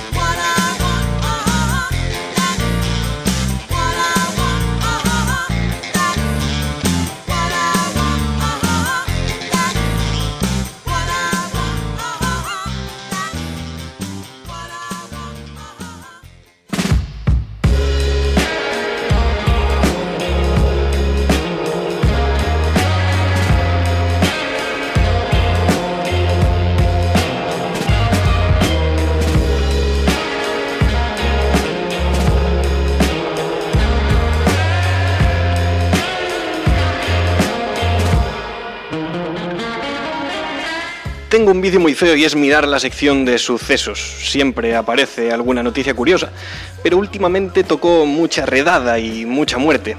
Entonces tengo dos muertes aquí que son como muy preocupantes. A mí por lo menos me tocan como muy de cerca. Una que ocurre, eh, pues, a una señora bastante mayor, eh, dice, muere por un raro accidente con una tostada que ocurre tres de cada millón de veces. La, pobre Vera Williams, que, le rasgó el esófago un trozo de tostada. Y es que no te puedes fiar de nada ya, ni, ni nadie, porque al loro con esta. Un hombre mata a su compañero de habitación con una muleta en una residencia de mayores de Tenerife. Ojo, tómalo. Así, un señor de 73 a otro de 69. Y dice aquí que el presidente de la fundación de, de, pues de esta residencia, que los señores se llevaban muy bien y que eran amigos. Si es que aquí ya no, ya no, ya no, ya no sé qué pasa. Porque aquí dice que tras matarle a golpes a, su compañero, se- es que se metió en la cama y siguió durmiendo. O sea, era un puto killer este tío. Y yo para solucionar todo esto, para, para, bueno, para solucionarlo o alimentar el pánico, he decidido llamar a nuestra cómica de oficio que hoy es la siempre en ruta Carmen Conde. ¿Qué tal? ¿Cómo estás, Oscar? ¿Qué tal? Que tienes que ayudarme, o sea, estoy, estoy ya te digo, tengo una nube en- encima de la cabeza, me llueve como a los dibujos animados y, y la muerte me atrapa. Y yo creo que tú eres una experta en esto, ¿no? Soy, soy una experta, llevo hablando más de un año acerca de muertes absurdas y estas lo son. Gracias, de verdad, son un regalo. son un regalo del cielo estas muertes. Porque tú eh, tienes un show que se llama Los Premios Darwin y que son una pasada. Explícanos un poco porque el- para el que no lo sepa esto es una pasada de show. Bueno, con los premios Darwin yo, eh, la primera parte de mi labor ha sido recorrer Galicia entera recopilando historias alrededor de la muerte bastante absurdas, algunas que terminan en muerte y otras que no, pero que bastante bastante crimen tienen, otras solo son accidentes, ¿no? Hay, hay cuatro categorías, las fui ordenando por categorías y bueno, eh, cada candidato es una falsa gala de premios, ¿no? Organicé una falsa gala de premios. Eso es muy bonito, son mejores que las verdaderas, de hecho. Que la- oh, desde luego. Además, porque yo soy la academia, toda, toda la academia. Entonces, cada candidato es una excusa para contar esa historia. El galardón es una guadaña que no me preguntes por qué nadie viene a recoger. Vaya por Dios, ya, ya, ya, claro. Algo de- debe tener algo que ver la temática, pero, pero no sabemos muy bien, ¿no? Claro, no, que están todos muertos. Bueno, no siempre, pero en muchas ocasiones sí. Entonces, por eso estas dos noticias son un regalo del cielo. Pero, ojo, que tengo los Darwin y ahora acabo de sacar los Darwin latinos. Los Hay Grammys y. Grammys latinos, claro. claro. Qué guapo, Eh, y o sea, pero porque has encontrado, o sea, has encontrado lo suficien- las suficientes muertes latinas como para, como para hacer un show, o sea, ¿qué, de qué hecho, pasa? De hecho, he tenido que hacer criba porque, eh, bueno, según em, en- para las muertes gallegas he conversado con gente y han sido, han sido, bueno, legadas de viva voz. Para las muertes latinas he leído la prensa de toda América Latina y casi me vuelvo loca porque tengo de todos los países y es demasiado. Es ¿Y qué- claro, ¿qué lees? O sea, de la prensa y tal, ¿lees eso? ¿Sección de sucesos? ¿O, o también hay necrológica ahí? ¿O, en Eh, dónde buscas? no es- ¿Dónde...? no es tanto necrológica, las palabras, claro, el que, el que vea mi buscador de Google eh, es muy preocupante. Tengo que decir que desde que empecé a hacer este espectáculo me saltan todo, pues seguros o caso y cosas así Porque ah, te ven de cerca. anuncios. Es que te ven cerca del hoyo, claro. Claro, alguien que busca en tantos correos manda la palabra muerte y que escribe tanto sobre la muerte y que, nada, claro, esta chica pues está pensando cosas turbias. Pero no es eso, no es eso, estoy muy vital, me siento muy feliz. Justo te iba a preguntar ahora por eso, o sea, te sientes muy vital, te sientes muy feliz, porque tú estás, eh, tú eres millennial, o sea, tú te, te podrías considerar millennial, no sé si te lo consideras, pero estás en el margen de lo millennial, ¿no? A ver, técnicamente descubrí recientemente que, joder, sí, soy millennial, vale, vale, me fastidia, me fastidia, pero luego nos vamos a la práctica y es cuando me pongo contenta porque nací señora. Eh, Eso y es un todo concepto tiene- muy bonito. Nacer señora. Yo nací señora, eh, siempre fui una niña muy seria, siempre, o sea, ya fui un bebé serio, ya tenía observaciones que aportar, como cosas, frases. Soy, joder, soy una tía divertida, no te voy a decir que no, pero luego tengo frases de señora a bata cruzada, como está todo inventado. Y lo digo desde el fondo de mi corazón. Ahí lo tienes, eso es, está todo inventado, eso, joder, pues, o sea, ahí está, me gusta que tengas esa contradicción de lo, de lo vital y del estato inventado, que sí que sí que es de señor, ¿no? Sí, claro, es que, pero luego se me pasa, luego pienso, no hombre, no, aún se pueden inventar más cosas, no te, no te angusties. Pero, pero ¿Cómo se, cómo se vive esa juventud desde, desde saber que tú también eres un poco señora? O sea, ¿cómo, cómo vive el señor millennial? El señor millennial vive guay porque eh, yo con mi edad millennial lo que puedo hacer es acercarme a señores y conversar con ellos. No se sienten invadidos en absoluto, están hablando con una de los suyos. Y entonces a mí eso me da un material que flipas. Yo soy una de ellos. De hecho se nota cuando entro en un bar, cuando entro en una tienda. Mm, Se dirigen a mí de tú a tú, no como esa jovenzuela. No, no, Claro, claro. soy de los suyos. Eso es, o sea, estás, estás infiltrada pero desde el amor, o sea, realmente lo sientes, te sientes una de ellos. Sí, Sí, de hecho esta mañana, yo todas, todas las mañanas voy a tomar el café a la misma cafetería y en la barra sucede algo mágico que es que tú empiezas a hablar con la camarera y la conversación se, se extiende por toda la barra y todos los que están en la barra participan y son principalmente mujeres y principalmente señoras, ¿no? Sí. Eh, entonces, hoy, hoy entró un señor que era un cura y yo no sabía que era cura porque llevaba una bufanda muy Se gay estaba, se estaba cubriendo el cuello, claro, claro. La llevaba muy alegre, muy, muy, muy, muchos colores y tenía una conversación muy divertida y molaba mucho el señor. Y entonces eh, yo no sé qué frase tuve que al señor le pareció una revelación de la vida. Le- al señor le dije que las fiestas uno las programa, pero los llantos en general eh, pues que vienen de forma inesperada. Y el cura que venía con un cura más joven dijo, le dio un codazo y le dijo, aprende, aprende de esta chica. Y dije yo, Dios mío, le estoy enseñando cosas a los curas viejos. Mira, eso es, ojo, que, ojo, que- que igual tenemos aquí a la futura profesora que va a salvar la asignatura de religión en los colegios. O sea, No, o sea, no, no me vas a ver impartiendo religión, me vas a ver en los bares hablando de muerte. Eso es, ahí, ahí se acepta todo tipo de público y hasta eso, hasta... Sí, claro, eh, tengo desde niños hasta gente a punto de morir, no pasa nada. Esta gente a punto de, de morir. Es, es una observación que, que se puede hacer, ¿no? En plan, eso muchas veces lo pienso. Joder, veo a personas y digo, madre mía, si es que esto tiene que estar como a punto. Es feo el pensamiento. ¿eh? No, pero si es real, ¿qué pasa? Es lo que hay. Claro, lo que pasa es que está ahí como esa historia. Tú, o sea, tú crees, los millennials, yo por lo que hablo con gente, somos muy del, del pensamiento feo, del pensamiento oscuro, nos gusta mucho el humor negro, pero después nos Bien. acantamos bastante hablando de la muerte y todo eso, ¿sabes? O sea, Es cierto esto. Un día se me acercó un millennial para decirme, no voy a decir de dónde, lo vi, lo vi, actué en un sitio y lo vi mm, dos meses después en otro.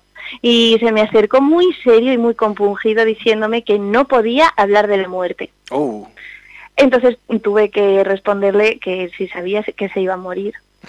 ¿y lo sabía? Y dijo que sí que lo sabía, pero que no podía hablar de la muerte. Entonces, pero eh, hay algo, millennials del mundo, que tenéis que saber. Eh, y digo tenéis porque yo soy una señora, si no diría que tenemos que saber. Nos Pero- la. La cosa, sí, balón en vuestro tejado. La cosa es que hay una inconsciencia muy grande en el hecho de ser millennial. Entonces, aunque cobardía, sí, inconsciencia más. Entonces, eso hace que la ley de selección natural eh, no mm, no se pase. Por ejemplo, en Texas, Estados Unidos, un tipo, redes sociales, yo que sé, Twitter, Instagram, Facebook y un revólver. Y pensó que era una súper buena idea el subir una foto disparándose a la cabeza, pero no se dio cuenta de que tenía cargado el revólver. Oh. Y dudó un rato enorme, ¿qué le doy? ¿A la pantalla de la cámara o al gatillo? Y claro, el tío no sabía que los hemisferios funcionan de forma cruzada y estaba muy rayado. Tardó como 20 minutos en... Ah, no, nunca sacó la foto. Ay, no llegó a sacar la foto. Claro, se hizo un polo ahí en toda regla, vamos, se voló el cerebro. Y esto es un peligro de ser millennial. ¿Tú crees que este- en esta tesitura se vería un señor de 75, no, no, no. 80? No, Es, un pro- es un problema nuestro. Y, y- pero me- es que me da mucha rabia porque, o sea, eso, la generación X tiene a Kurt Cobain. Eso sí que fue real, pero nosotros tenemos a este tío que en lugar de un selfie se pega Claro. un tiro al final. O sea, es que es la historia. Efectivamente, es de mierda esa historia. Es muy mierder. ¿Qué- ¿Tú qué le dirías? O sea, después de, de estos mensajes, estoy hablando en el programa de ser adulto y de lo que es ser adulto. Tú eh, necesito un, un mensaje eh, de, de optimista, o, o no, a lo mejor es, es un mensaje pesimista y hay que hundirnos en la miseria, pero necesito un mensaje. No. Hay que darle esperanza a la gente. eh, de- ¿Hay que pensar en la muerte o no hay que pensar en la muerte? ¿Tú, tú qué le dirías al millennial? Ay, pues tengo un mensaje preciosísimo para el millennial.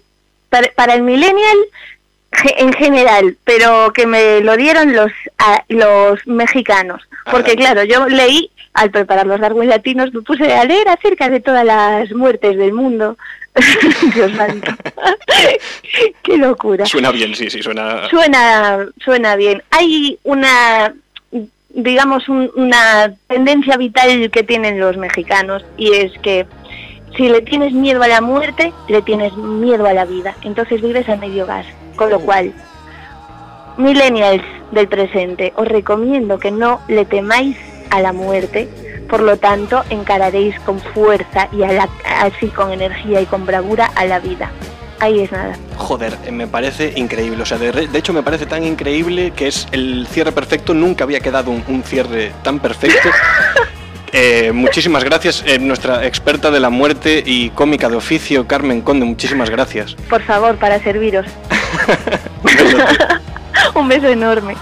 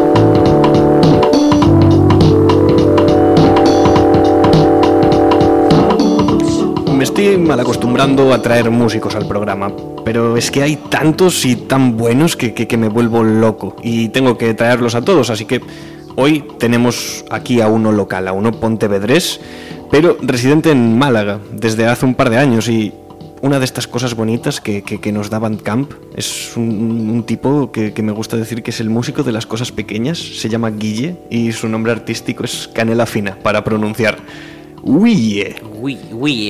Claro, que- o sea, ¿qué es Guille, no? Para alguien que no sepa qué es Eh. Guille, ¿de dónde viene esto? No, eh, yo creo que esto vino de hace años y tal, de como que de, de generar el nombre, ¿sabes? Eh, jugando y tal, creo que fue en un grupo de WhatsApp, una de estas tonterías que se hacen, empezaron a llamar eso, pues Guille, Guilla, Guille, Guilla, y, y me gustó cómo quedaba este, además que por la escritura y tal no tiene ningún sentido, hay ahí una Y y luego una I latina. Es, y, claro, es W, Y, I y, y E. y E, sí. El, el Instagram es Guilla. Guilla. Acaba de ver nada, pero... ¿Por qué? Porque te robaron el... el- No, no, ya estaba creado. O sea, ahora estoy intentando yo como robarlo, ¿no? De vez en cuando, pues, como que escribo diciendo, denunciando esa cuenta y diciendo que mal uso de Instagram, no es mal uso, pero es desuso, ¿no? Y, y a ver, a ver si lo borran y puedo cogerlo y tal, pero sí, o sea, básicamente es un, como un juego y tal. Pero ya empiezas tú mencionando directamente Instagram y, y me gusta porque, porque yo, o sea, yo, yo te, te conozco bien, eh, somos amigos y sé perfectamente que eres un tipo que, que se autodenomina señor, que se autodenomina viejuno. Sí. Y sin embargo tienes como cositas millennials también, ¿no? O sea, tú eres, eres, usas Instagram, ¿eh? O sea, le das caña a Instagram. A ver, yo querría ser más millennial, pero porque supongo que me sentiría más cómodo, ¿sabes? Eh, estoy como a una hora empezando a hacer selfies porque me, me resulta extraño, ¿no? Y me resulta como muy raro ver a la gente, pues eso, haciéndose fotos por la calle y tal. Pero supongo que igual que hace cinco años a la gente que, ¿sabes? Los primeros que llevaban los manos Claro. libres y... Pero, no sé. Pero sí tú te ves, siento- o sea, tú te, tú te ves millennial en el fondo, tienes algo ahí, o sea, te... En el fondo sí, porque no dejo de estar aquí, pero yo es que soy un, es un señor mayor. Y para ti, o sea, como que noto que para la gente ser millennial es eso, es sacarse selfies por la calle, ¿sabes? Es entre muchas cosas, ¿no? Y, y claro, tú en realidad todo lo contrario, porque yo eh, veo que a los millennials se les llama vagos y todas estas cosas, y tú, sin embargo, te fuiste a Málaga y, y ahora estás trabajando, y estás trabajando, cuéntanos, cuéntanos tu historia. A mí es que es de las cosas que más me gusta. Ah, es, es como muy raro, ¿no? O sea, no, no es raro, pero son cosas de estas que pasan que... El tema es que yo tenía una novia allí, bajaba a verla pues cada mes o cada dos meses, una semanita, y estando allí como que me llamaron de una entrevista de trabajo y directamente ya me quedé y... Y te quedaste por amor, eso es muy bonito. Me quedé, sí, o sea, por amor, eh, también hay que decirlo, eh, te ofrecen un trabajo estando las cosas como están hoy en día, no puedes decir que no. Ya, eso sí que es. Pero, Pero- sí, me quedé allí y en un compro oro. Ay, es que eso es lo que a mí me, me- me enamora. O sea, te- estás trabajando en un compro oro y, eh, joder, yo no conocía a nadie que trabajase en un compro oro. Yo siempre tuve como ciento y una preguntas sobre el compro oro. Pero ¿qué es lo que a ti más te gusta de trabajar en un compro oro? Trabajar con oro. O sea, puede sonar un poco burdo desde fuera, pero está guay, ¿sabes? O sea, es... ¿Cuál eh, es tu rutina, tío? O sea, tú entras a trabajar en un compro oro y ¿qué haces un día? Pues eh, entras, entras, eh, impone un poco, ¿no? Porque tienes como una... Estás en un búnker, rollo, con puerta blindada y tal, pero nada, entras y al fin, al fin y al cabo es como un papeleo. Hay trato personal, ¿sabes? O sea, hay que saber llevar a la gente. Hay que cuidar al... Hay que cuidar al cliente. Todo, todos sabemos que hay que cuidar del cliente. sí. ¿Cuál, o sea, ¿cuál fue el, el cliente o alguien que más extraño que puedas contar? El más extraño, algo que te sorprendiese especialmente. Eh, pues el, el más extraño no fue un cliente. El más extraño eh, suele venir como cada, cada dos meses más o menos y es un tipo que tiene alguna clase de problema. Eh, y claro, el primero me al principio me asustó, pero una vez empieza a pasar allí y tal, es que no puedes evitar reírte. Y el tipo eso, como que viene y habla muy mal y pregunta por, por algo que quiere comprar que yo nunca entiendo. Y yo le contesto que allí se, se compra oro y el tipo contesta, ah, sí, oro, oro, mi hermano, y se va, ¿sabes? Y Buah. cada tres meses viene, viene, pregunta por eso, que nunca sabré qué es, quizás me pida un boli y yo no se lo doy, pero... Y eso, en plan, que va a traer el oro de su hermano. Ese pobre hombre que, Y- que- que está pidiendo algo que nadie sabe, ¿no? Na- nadie le entiende, no, no creo que se sienta comprendido. Pero joder, esto sí que es. em, eh, esto sí que es el- la, la lucha del millennial, ¿no? En plan, tienes como eh, tu bandcamp y, y tienes como eh, tu lado musical y a la vez estás como llevando ahí la vidos, estás como boquete, trabajando en el Freud intentando ser director. Sí, pero otro, otro tipo de Freud, pero un Freud al fin y al cabo. Eh, de hecho, lo que comentas, lo primero que hay que decir es que yo estoy aquí porque soy amigo tuyo, o sea, yo, soy, yo no soy nadie, ¿no?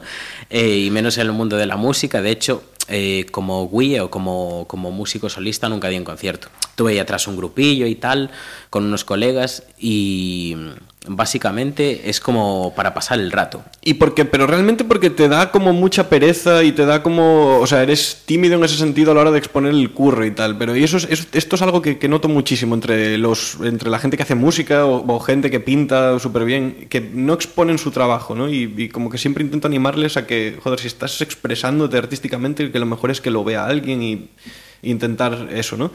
Y, y por eso quería traerte, para que escuchase, para que, para que alguien tenga más la oportunidad de escuchar lo que yo escucho cuando, cuando me enfrento a tu Sepescher, porque es, que está muy bien. Y basta de adularte, ¿no? En plan que esto no lo va a entender nadie más. Pero ¿cómo grabas tú? O sea, tú eres un, un tipo que se autoproduce, tú tienes como tus aparatos por ahí que vas comprando en el Cash Converters y vas Sí, haciendo sí. tus sonidos. Sí, sí, o sea, te- desastre total. ¿Sabes? No tengo ni siquiera una tarjeta de sonido, no, va todo grabado con, con una grabadora, o sea, una grabadora que de hecho era de una colega, que ya no la usaba, me la dejó y es de estas que se usan como para grabar entrevistas o conversaciones, pero 60 euros, ¿sabes? Sí, sí, sí. Y, y así, entonces eh, entra un mazo ruido, de hecho ya lo dejo, ¿sabes? Es como sello de identidad grabado de mierda. Grabado en casa, claro. grabado en casa de mierda. Pero aprovechas esos sonidos de tus gatas, por ejemplo, eh, de eh, Paula, que es tu novia. eso está muy bien, como que grabaciones incluso que te mandamos a veces entran como en... Notas de WhatsApp, tío. Las notas de WhatsApp son el maná de, de- de mi música. es, como un collage, ¿sabes? Pero no sé, tío, hay, hay cosas que realmente las escuchas y, y como que te, te entran, ¿sabes? Dentro de la música o que te dan pie y quedan súper guay. Y luego a ti no se te habría ocurrido como esa letra o esa estructura. Y eso es precisamente lo que hace distinto, como lo que yo veo que hace distinto tu música y tal. Y me parece que es muy millennial, me parece que entra muy bien, que es muy, o sea, utilizar notas de WhatsApp en, en las canciones. Esto se lo dices a, yo qué sé, a John Manuel Serrat y se nos muere Serrat.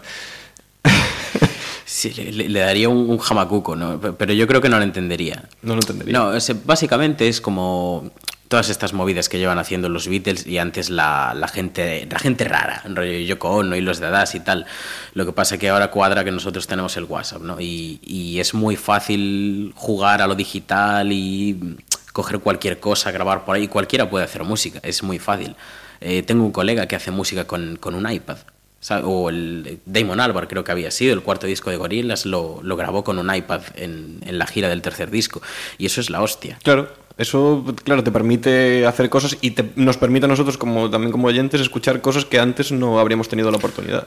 Y que se genere como una nueva forma de hacer música, ¿no? Y de entender como la música. Est- Estamos a punto de empezar los, años, los nuevos años 20. Los años 20. Esto será como el, el jazz, aquel jazz y todas estas cosas. No, de hecho hay que darle caña ahora antes de que llegue la- el crack, porque habrá otro crack, ¿no? Del, del 29 y tienen que ser mm, perita los, los 20 de ahora.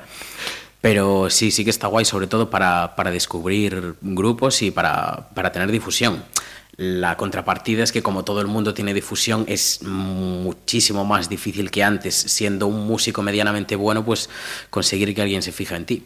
Hay Pero exceso eso- de cosas, claro. Pero es lo que hay y está bien. O sea, mejor que haya exceso que, que sea complicado encontrar un músico o gente que trabaje en la radio o, ¿sabes? Gente con, con formación y gente que sepa hacer cosas. Exacto, antes nos quejábamos como de eso, de que no había la forma de conocer a muchas más cosas, ahora que puedes conocerlo todo, te quejas de, joder, es que no sé de qué elegir. No, no sé qué leer hoy, no, no sé qué disco escuchar en la ducha. Pues ahora os hacemos una, una pequeña pausa para que escuchéis el, el tema de Guille, un tema que se llama Golpe Palmera, que es de su último Golpe Cabeza. Golpe Cabeza. Y eh, a mí me parece un hit, así que vamos a hacer así la pequeña pausa con el, con el tema Golpe Palmera.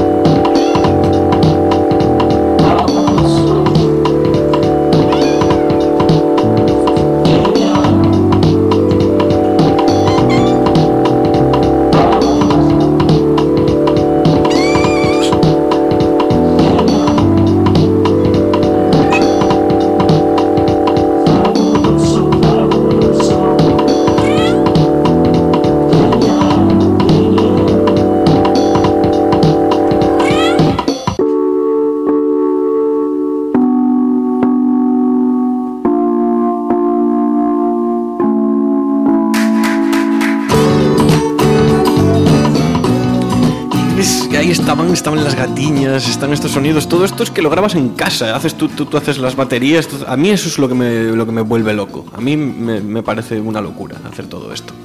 No sé, te- yo es que empecé tocando el piano, luego pasé por la guitarra, volví ahora al piano y realmente abar- abarco mucho y aprieto poco, ¿sabes? Toco lo justito en cada, en cada instrumento.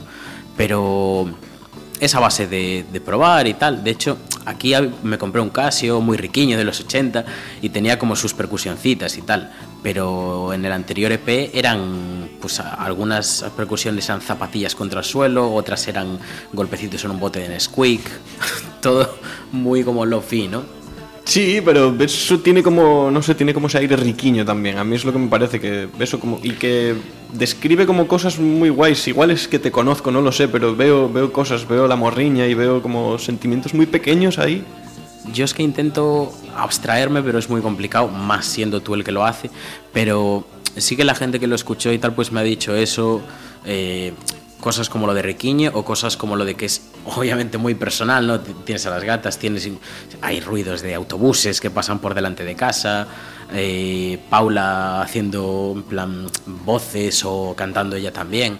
Entonces, es como que sí, que intento transmitir pues lo que tengo en casa, lo, lo que soy yo.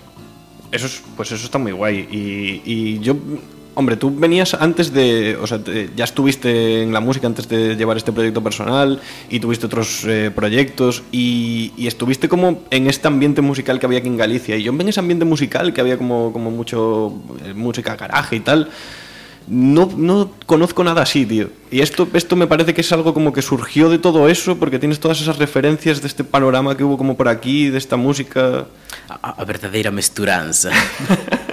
Y salió como algo como muy original, algo como, como que eso, que te salió a ti de verdad y Mm. tal, de entre todas esas cosas.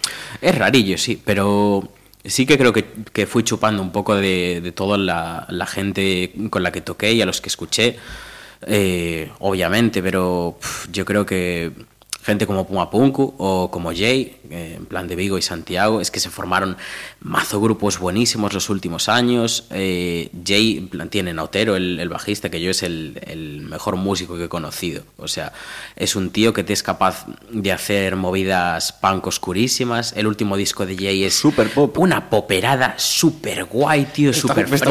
guapísimo, sí, sí.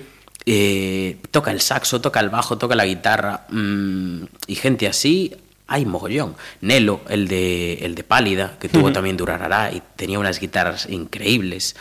Eh, y luego, mm, yo por ejemplo, lo que voy a tocar ahora mm, es rollo cantautor. Cantautor como que está un poquito más aparte, ¿no? Porque no puedes dejar de ser tú con la guitarra y es muy, muy complicado salir de, Lo que vas a tocar ahora que no he escuchado en mi vida, de hecho. O sea, lo que No. vas a tocar ahora que, que solo tú has escuchado unas cuantas veces lo que vas a tocar ahora. Dos, de hecho. O sea, la- tenía como la música y, y me dijiste de venir y escribí una letra y o puede ser una mierda o puede estar bastante guay.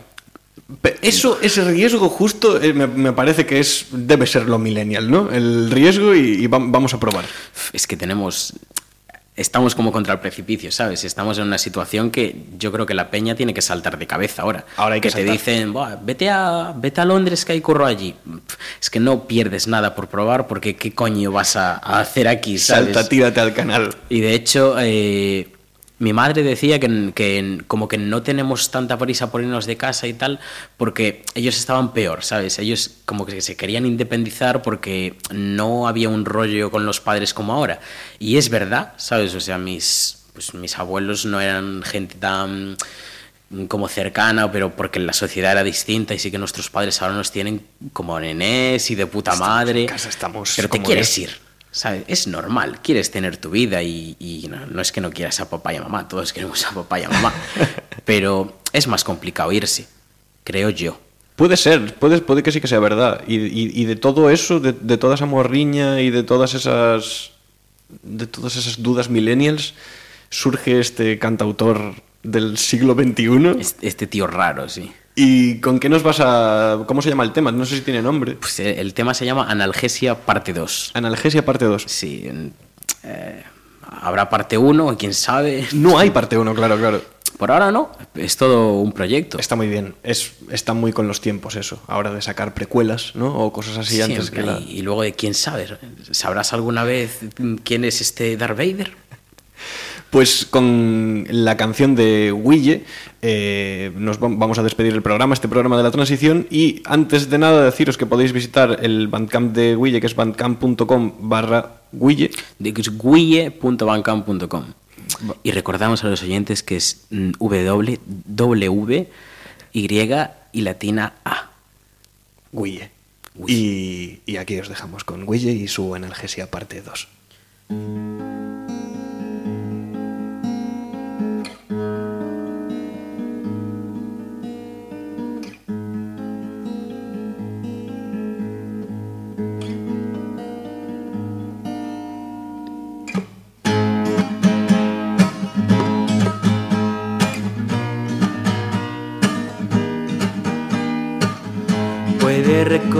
Recordarme la última vez que lloré porque ya no me acuerdo.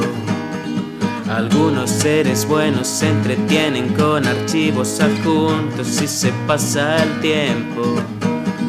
Y cuando parpadeo ya no miro, solo pienso si esto es cierto, si es asueto, si esto es serio.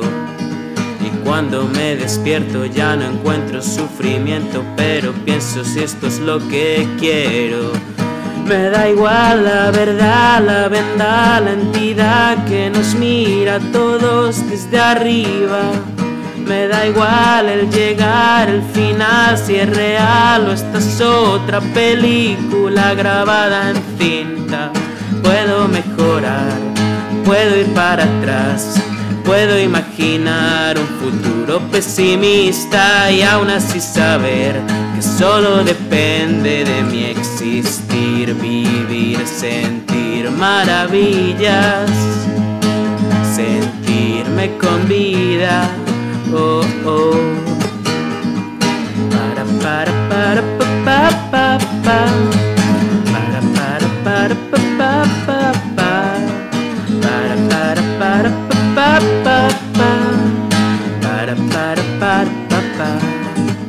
Imagina volar, imagina encontrar a tu media naranja en una pantalla, imagina ganar, imagina algo más, es más fácil reír que empezar a patadas, ya no puedes más, quieres acabar.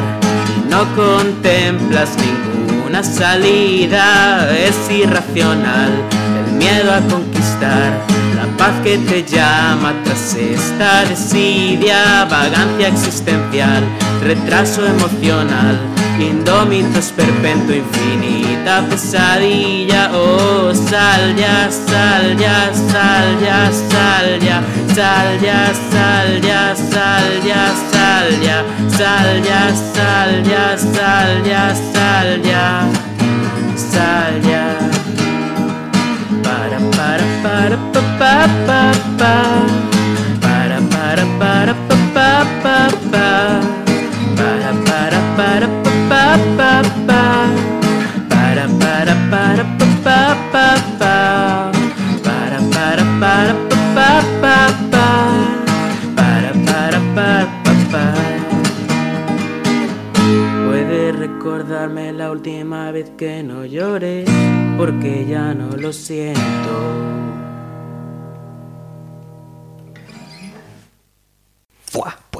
El tema te quedó al final guapo bien, ¿eh? Bueno, sí, sí.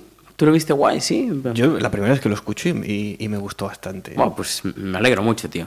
Y bueno, por, mm, por lo primero, mm, muchas gracias por, por a Pontevedra Viva y tal, ¿sabes? En plan, por conseguir la entrevista y, y pagar el vuelo desde Málaga, cremita. No, no, pero además en first class. o First sea, class, Norwegian First Class, tío. Business. La cremota toda. Con el chino, con, con Chung. Chung, Chung, ¿no? sí. Que te Chung. atendió ahí personalmente, a ti, solo a ti. Un azafato increíble, tío. Una- Increíble. Una, mejor azafato, mejor persona todavía. Y, y, bueno, y te dieron galletitas saladas y todo. Ahora mismo estás sentado en, en- en un trono. En un trono, en trono. O sea, yo no tengo una silla así en mi casa, ni en mi curro, ni en ningún sitio. No nos falta, es que no nos falta de nada. Nos está entrando aquí lo, que- lo que quieras. Si quieres, ahora mismo llamamos a Panadería Acuña y te damos unas barras de pan, ¿eh? Buah, pues mm, vendría muy bien. Unas, unas baguettes, unas baguettes yo creo que me hacen el viaje, tío. Pero y, el, y el programa, el programa en sí, ¿qué, qué te pareció? Ah, el, el programa un, un poquito mierda, ¿no? Pues ahora cortas aquí, Marisa, ya. Y ya está. Ahora tú, bueno, eh, Guille, ¿no? Puedes coger tus bolsas, coge tus bolsas y metes la guitarra en ella. Las bolsas estas de, de basura. Sí, esas bolsas de basura, Vale. cógelas Vale. y ya metes tu guitarra ahí, porque la funda que trajiste me la voy a quedar yo, que me viene genial para, para hacer un circuito de micro machines que tengo. Vale. ¿Y, y el bocadillo? El bocadillo nada al final. Ya te dije No. que no. O sea, el bocadillo me lo voy a comer yo, tío. ¿Y puedo ir, bocadillo. puedo ir al baño a lavarme un No, poco? eh, mejor en la calle ya, ¿vale? Que ya conoces bien tú. Vale, vale. Pontevedra Viva Radio.